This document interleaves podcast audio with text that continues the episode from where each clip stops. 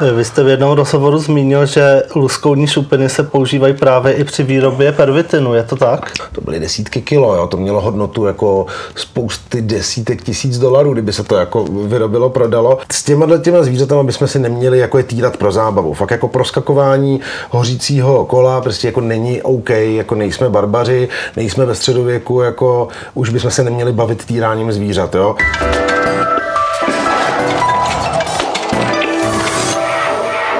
Dobrý den, já jsem Ondřej Hudec a dnes tu mám vedle sebe dalšího extra hosta. Je jim Tomáš Ouhel, zoolog a ochránce přírody. Dobrý den. Dobrý den, díky za pozvání. Začneme tím, co vás vlastně přivedlo k ochraně přírody. Zajímal jste se už od malička o jo, tyto věci? Jsou to takové jakoby dvě věci, které mě k tomu přivedly. Jednak to, že jsem od dětství chodil do skautského oddílu, takže jsme hodně času trávili v přírodě, kempováním, táborničením. A, takže ve chvíli, kdy jsem už byl skoro dospělý, mohl jsem cestovat, tak jsem prostě cestoval jako po světě s batohem. A, takže to je asi ta první část. No a ta druhá část je, že jsem už jako od dospívání vždycky dělal v nějaký neziskovce. Nejdřív jsem se jako dobrovolník, jsem pracoval v humanistickém hnutí na rovinu, jak jsme jako zkoušeli eh, dělat tady různé workshopy ve školách a vyprávět o klimatické změně, o prostě, nevím, chudobě v Africe. No a když jsem pak začal cestovat po východní Asii, tak mě vlastně mnohem víc začalo bavit jako, pochopil jsem, co je to biodiverzita, že fakt je to jakoby průšvih a že se s tím něco dá dělat a tak jsem vlastně trochu se odklonil od té jako rozvojové pomoci, když jsem to třeba studoval, mezinárodní rozvojový studia, tak vlastně jsem se jako přilknul k té ochraně ekosystému a ochraně biodiverzity a to mě drží teď jako hlavní hobby a práce do dneška. Vy teď vedete záchrannou stanici v Indonésii. Mohl byste trochu víc popsat, o co vlastně jde, co je vlastně účelem vaší práce? Uh-huh. Tak eh, já jsem vlastně jeden ze členů týmu Kukang, eh, což je eh, program Kukang, což je indonéský název pro outloně váhavýho, takovou malého primáta, který je ohrožený právě proto, že je hrozně rostomilý, má velký oči a lidi si ho prostě kupují jako domácího mazlíčka. No a kolega František Příbrský, který je jakoby šéf tady té stanice, tak ten vlastně vybudoval tady tu stanici, byl to původně můj student na Zemědělské univerzitě a vybudoval tady tu stanici, takže vlastně když se teď zabaví nějaký zvířata, eh, ať už třeba při nějakém mezinárodním trhu, tak tady je vlastně rehabilitační stanice, je tam veterinární klinika, tam se ty zvířata dají do pucu, vlastně je to jednoduché, jako odčervějí se, zjistí se, jestli nemají nějaké zranění, sklidnějí se a pokud jsou v pořádku, tak se dají zase vypustit zpátky do přírody. A ideálně vypouštět v nějakém místě, který je hlídaný, a to je vlastně druhá část toho programu Kukang, kdy se pracuje s místníma farmářema, který tam sklízejí, sklízejí kafe, dostávají za to lepší prachy a ten díl je, že oni nebudou chytat dál ty ohrožené zvířata v té oblasti. A která další zvířata jsou ještě ohrožená? No, pokud, pokud se podíváme na to ohrožení třeba od těch farmářů, tak, eh, tak to jsou vlastně všechny jakoby malí savci, protože jednak jim žerou tu úrodu, jednak oni žerou zase je, takže prostě vyběhnou ven jako s riflem, se vzduchovkou eh, a postřílejí de facto cokoliv se v tom lese hejbe. Takže běžně jsou to lovci, kteří nejsou moc jako specialisti. Někdo loví divoký praslata, nějaký, nějakou vysokou, nějaký místní jelínky, právě tady ty outloně nebo luskouny.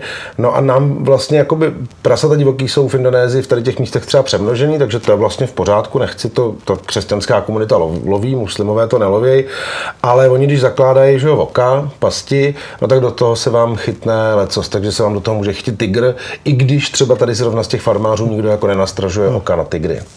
Vy jste asistovali i u zátahu na pytláky. E, jak vlastně taková akce probíhá?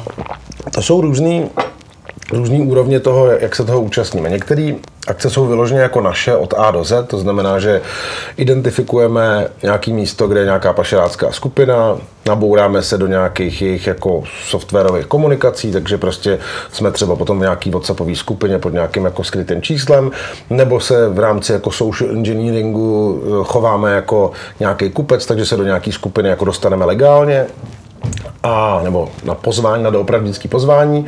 E, no a potom jakoby postupujeme, postupujeme, snažíme se k něm být blíž a blíž a buď to identifikujeme nějaký obchod, který se bude chystat a tam pošleme v, tu, v ten bod ty policajty, a nebo vyloženě jsme i u toho. Takže ty první zátahy, které jsme dělali, tak to jsme fakt jako s kolegou Františkem a Simonem z Dánska, tak jsme opravdu to jako fyzicky ty lidi chytli, protože tam bylo jakoby málo těch vojáků. A nebylo to nebezpečné?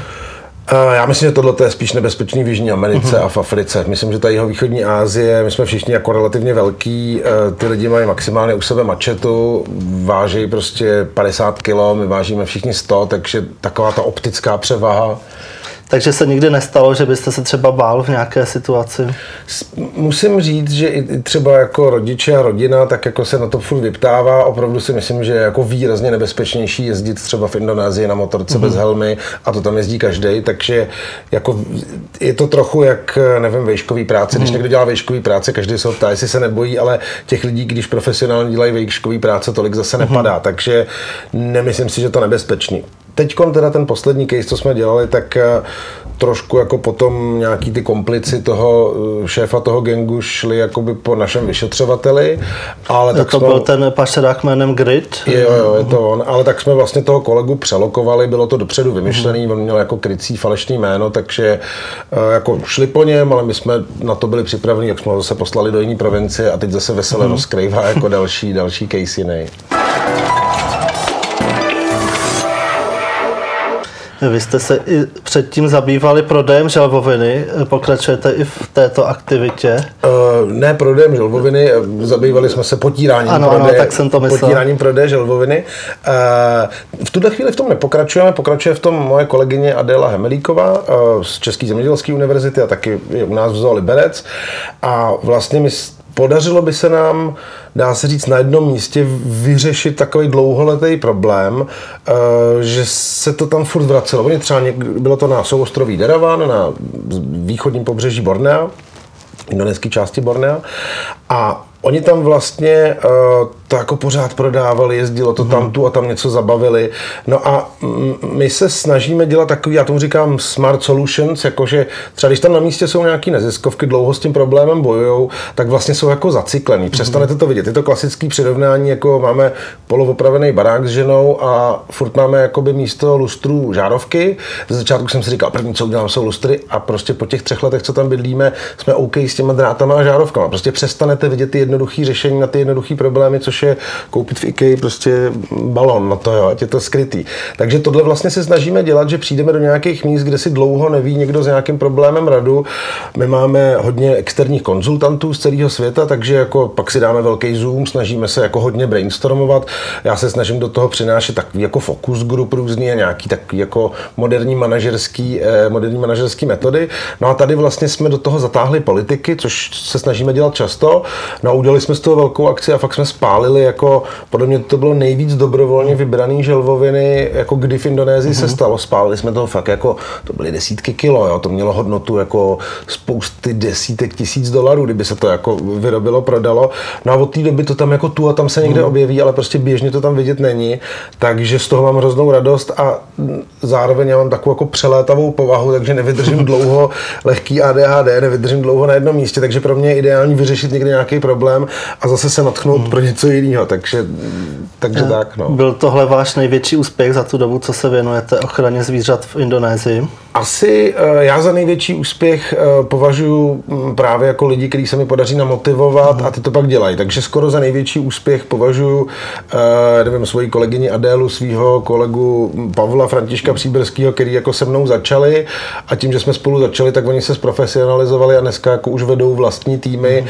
a zrovna u toho kolegy Františka, s kterým vlastně teď, teď už úzce spolupracujeme, tak, tak to prostě považuji za největší úspěch, když nějaký můj student potom sám aktivně dělá tu ochranu přírody. A to je vlastně ten důvod, proč jako učím a proč trávím nějaký čas na, na akademických mm-hmm. pracovištích.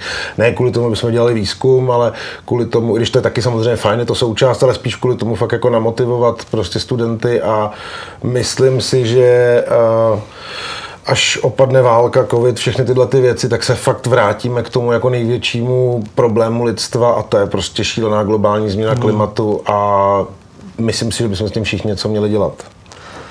Jak moc velký problém je překutnictví zvířat? Točí se v tom hodně peněz? Jo, je to větší a větší problém.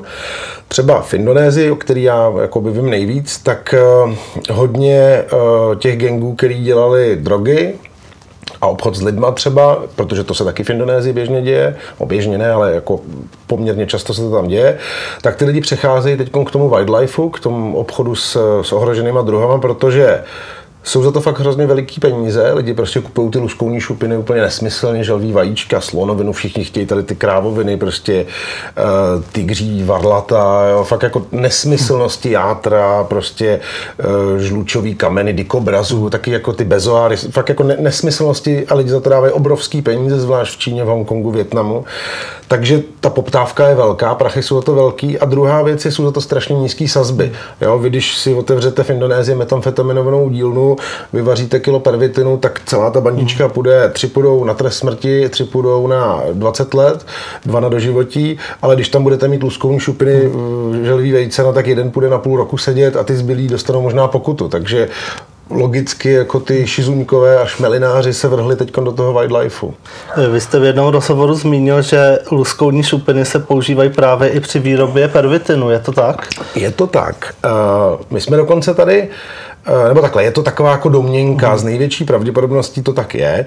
My jsme tady dělali i v, v laboratoři na Karlově univerzitě v forenzních, eh, laboratoři forenzních a chemických věd, tak jsme tam vlastně dělali eh, rozbor luskouních šupin, tady zabavených CITESovým orgánem, orgánem na, na ochranu přírody. A nic jsme v tom nenašli, takže zkoušeli jsme v tom hledat nějaký stopový prvky něčeho, co by mohlo fungovat a podle profesora Cajdamla tam opravdu jakoby nic zásadního není.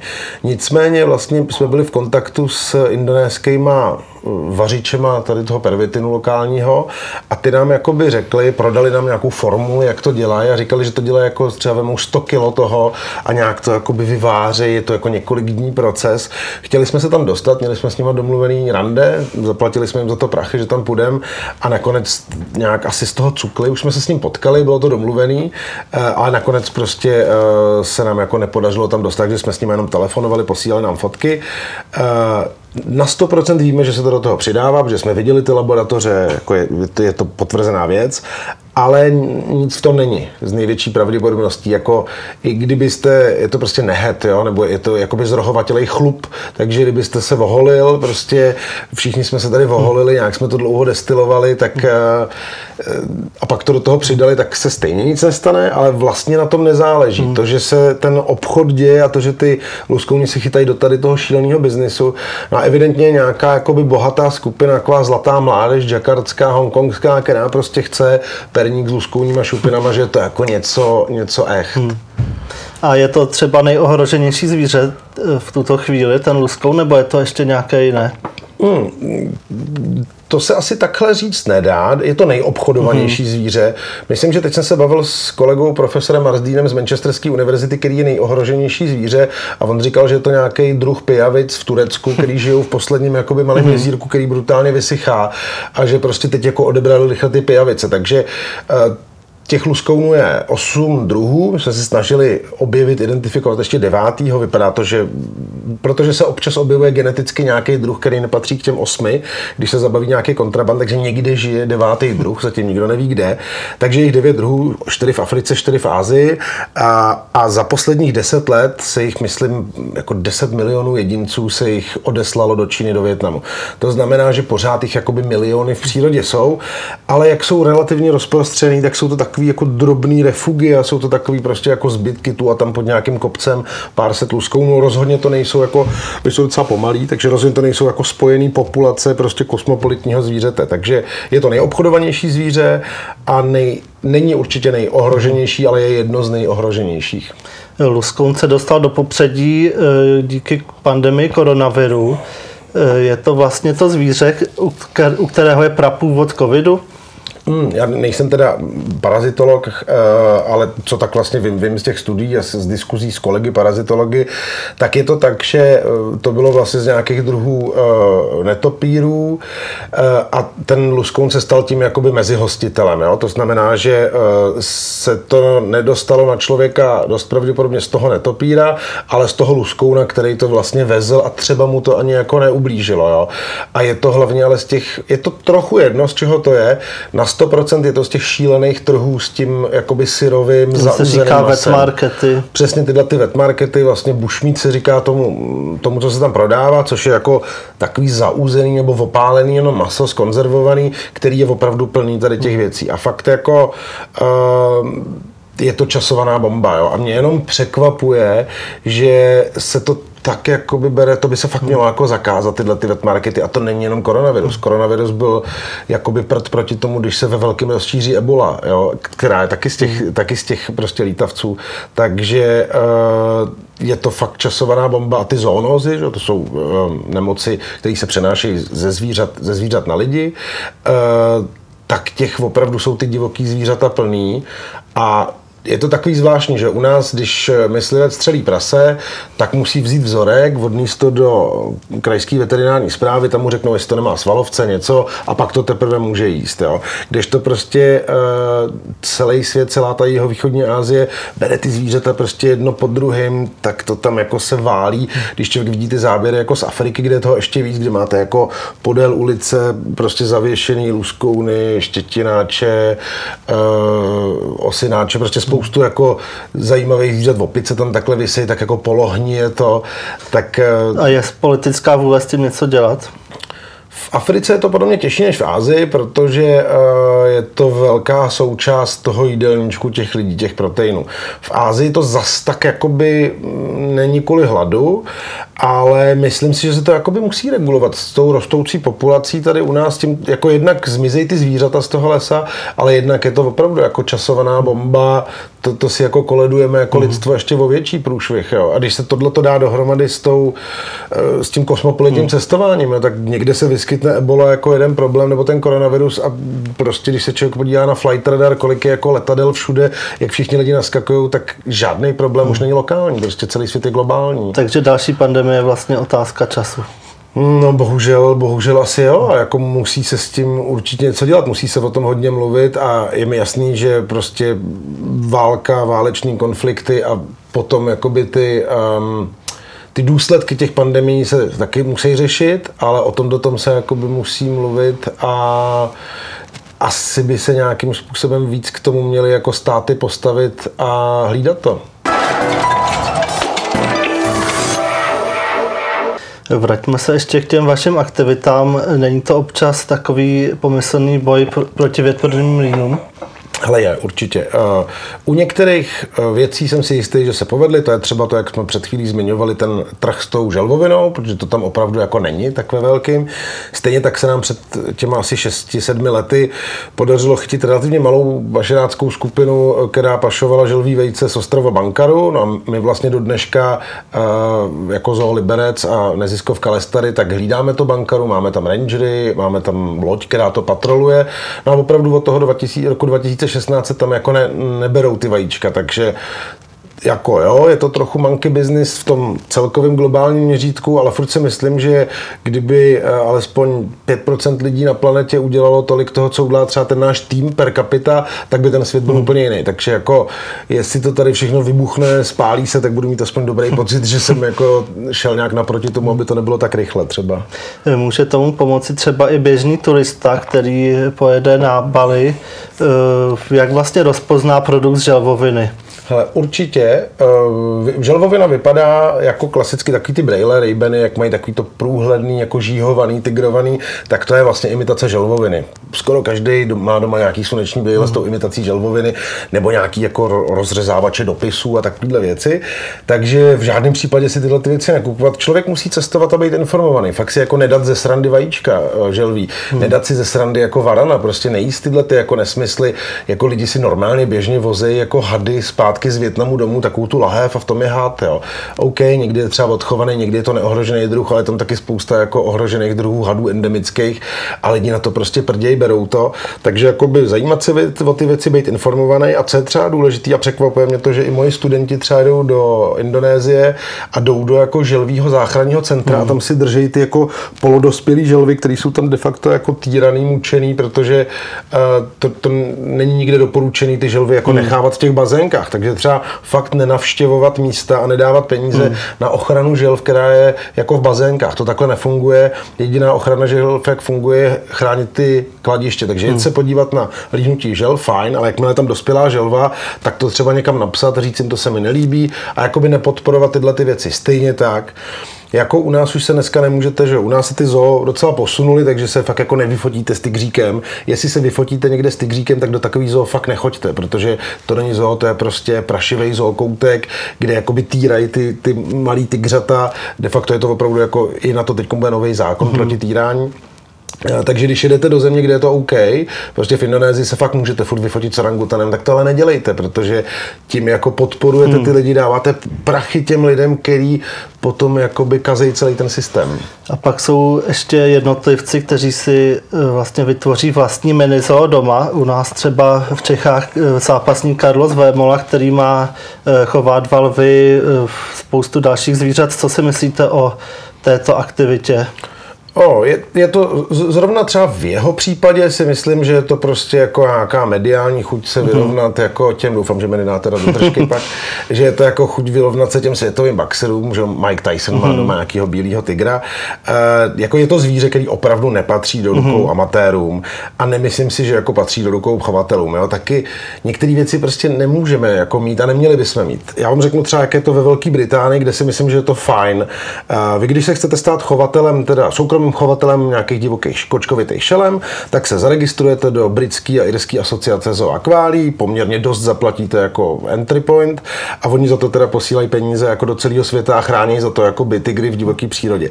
Potom vám dají, když vybavíte si jakoby to, to zařízení perfektně podle standardu, tak vám dají třeba na dožití nějaký starý tygřice, jako který už nemají, nejsou reprodukční, zabírají třeba mm-hmm. to místo těm jako ohroženým druhům. No a vy, když prokážete, že jste se o to staral dobře, tak pak teprve můžete začít množit ty zvířata. Takže u nás fakt jako, uh, nevím teda, jak, vypadá, jak to vypadá doma u Vémolů, jestli mají jako...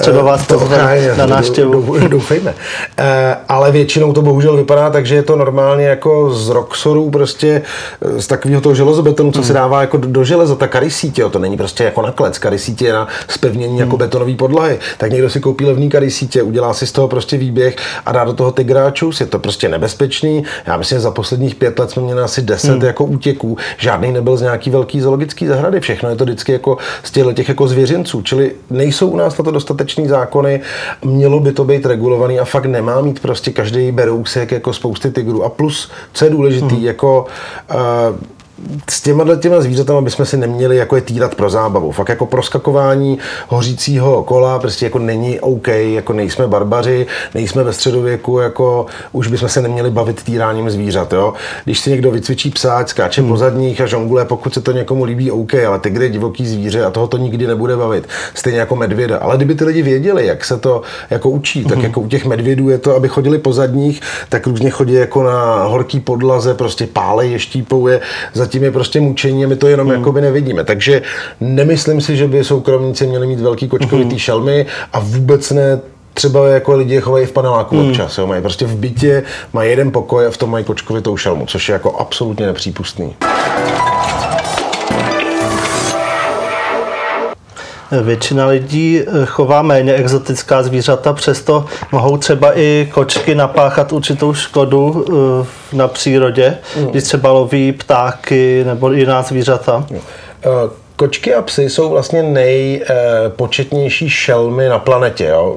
Teď myslím, že profesor Modrý v jednom rozhovoru říkal, že máme miliardu psů na celém, na celém světě a je to vlastně nej, nejpočetnější jako i na biomasu, i na výkaly, na všechno, jako nejpočetnější šelma. U těch psů, tak to je jako by, že domestikovaný velk, žijící s člověkem po jeho boku. U těch koček je to trošku jiný, protože kočka je prostě vrcholový predátor. V té další, že ty, ty kočky divoký, prostě co, eh, co jsou ještě v přírodě, tak jsou jako, sice nejsou velký jako tygr, ale jsou to ty vrcholoví predátoři, prostě eh, i, i jakoby leopardí kočka malá nemá moc už svých predátorů, leda jako jinou větší kočkovitou šelmu, ale ty vždycky uteče. To znamená, že ten ekosystém, ta biodiverzita nebyla designovaná na to, že jich je tady tolik. Jo. Jedete na vejle do Řecka a jsou všude na ulicích hmm. kočky. Jako tam se fakt blbě líhnou prostě ptáci, který mají žít jako v té suburban, v té jako společně kosmopolitně s náma. Eh, a, a říká se dokonce, že ve Spojených státech, společně s Kanadou, jako v té severní části, můžou za 60% eh, zmizení těch pěvců můžou prostě domácí vypuštěný kočky. Takže jak by to asi bylo ideální, tak mít nějakou kočku jako v bytě. Samozřejmě je to fajn, člověk má chalupu, má tam pár koček, běhají okolo, už jsme si na to zvykli, ale musíme holt jakoby počítat s tím, že prostě máme méně biodiverzity hmm. díky tomu, že máme tolik koček. Hmm. No. Vy jste zaměstnanec zoologické zahrady v Liberci. Pomáhají i ty zoologické zahrady naopak eh, nahrazovat tu biodiverzitu. Co je vlastně účelem zoologických zahrad dneska? Hmm, účelem zoologických máme tak jako čtyři pilíře. Jednak je to volný čas, entertainment, prostě aby se lidi bavili. Pak je to vzdělávání, takže máme spoustu dětských kroužků, spoustu environmentálních kroužků k tomu přilepených. Plus taky každý ten zákazník, co projde zo, nebo každý návštěvník, tak je, mm, se to docela i dobře počítá takovým tím advertising value ekvivalentem, jako jak funguje třeba reklama v zoo. Lidi fakt čtou cedule. Když jedete metrem, tak je, myslím, asi o 80% nižší procento, že si přečtete tu ceduli, než když jdete vozo. Jo. Takže nesmí se to přeplácat reklamama a nesmí se to úplně přeplácat těma eh, jako kampaněma, ale kampaně po zoologických zahradách fungují velice dobře. Takže třeba hmm. kampaň na palmový olej opravdu jako rozdrajvovali hodně zoologické zahrady, protože se tam ta informace, a teď ještě když ji vidíte u toho oranguta na tu informaci, že prostě když si koupíte šampon s palmovým olejem, hmm. který je neudržitelný, tak prostě ohrožujete tím ty orangutany. A teď to najednou jakoby vidíte. Takže vzdělávací roli, pak roli jako výzkumnou, výzkumnou vědeckou, ochranářskou, takže tam dělá spousta hmm. výzkumu. No a ta ochranářská je vlastně in situ a exitu. Uh, exitu znamená, že uh, my se nesnažíme mít ty zvířata, ty, a teď mluvím jenom o těch moderních zoologických zahradách v Čechách, třeba těch, kteří jsou členy Unie českých slovenských zoologických zahrad, to je takový vysoký standard, tak vlastně my nemáme jen tak nějaký lvy, my nemáme jen tak nějaký zvířata, my máme, když máme zebry, tak máme zebry bez hříví, které jsou skoro vyhynutý, vyhynulý a pokud se v posledních jakoby refugiích uh, zmizej, tak je tam budou zoologické zahrady vracet.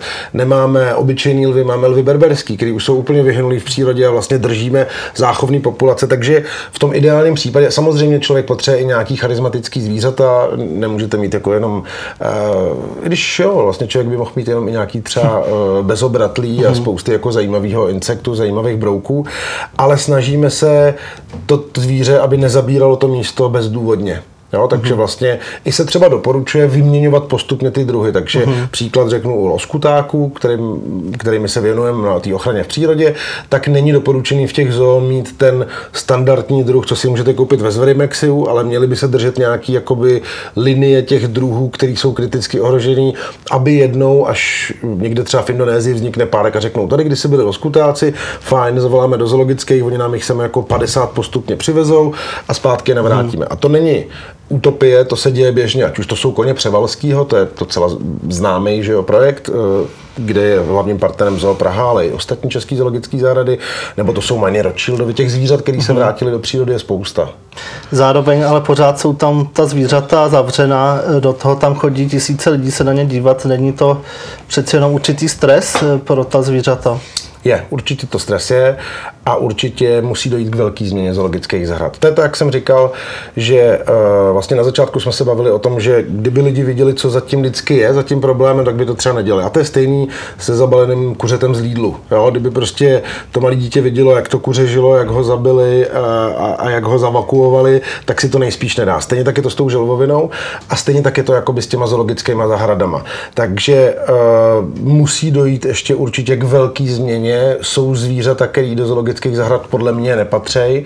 Nevím, jestli to nedostanu vykáráno v zoo, ale uh, třeba lidoopy si myslím, že opravdu do zoologických mm. zahrad nepatří. Sloni jako výjimečně, pokud jim jsme schopni nabídnout opravdu to velký prostředí, ale jsou druhy prostě plazů, jsou druhy uh, velký výběhy malých, malých opic, kdy prostě jim, zaří, jasně nebude to nikdy jako v přírodě, ale ten welfare, ten standard bude dostatečně velký, aby, aby jako ty zvířata netrpěly, uh, ale prostě lední medvěd bude trpět vždycky. Jo? Takže a dneska už jakoby s tou 3D technologií, s VR, ze vším, jako my když jsme byli malí, tak jako jsme si mohli přečíst nějakou knížku, bo já určitě s černobílým obrázkem, mm. nějakým zvířete, což fakt není takový zážitek, jako dát si na Netflixu National Geographic. Takže dneska už ty zóny mají tak strašnou nutnost té funkce, aby ty lidi ty zvířata viděli, takže fakt si myslím, že se to musí hodně změnit.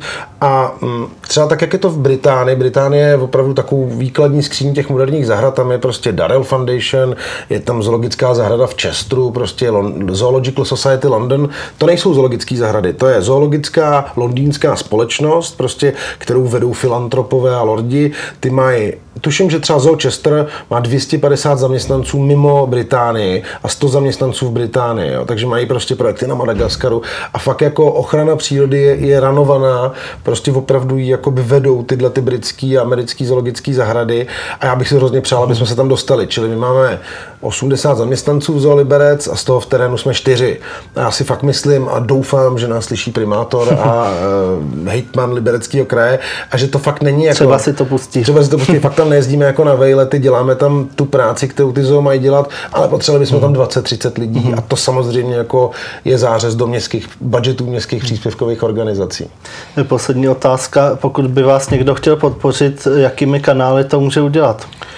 Spoustu těch kanálů.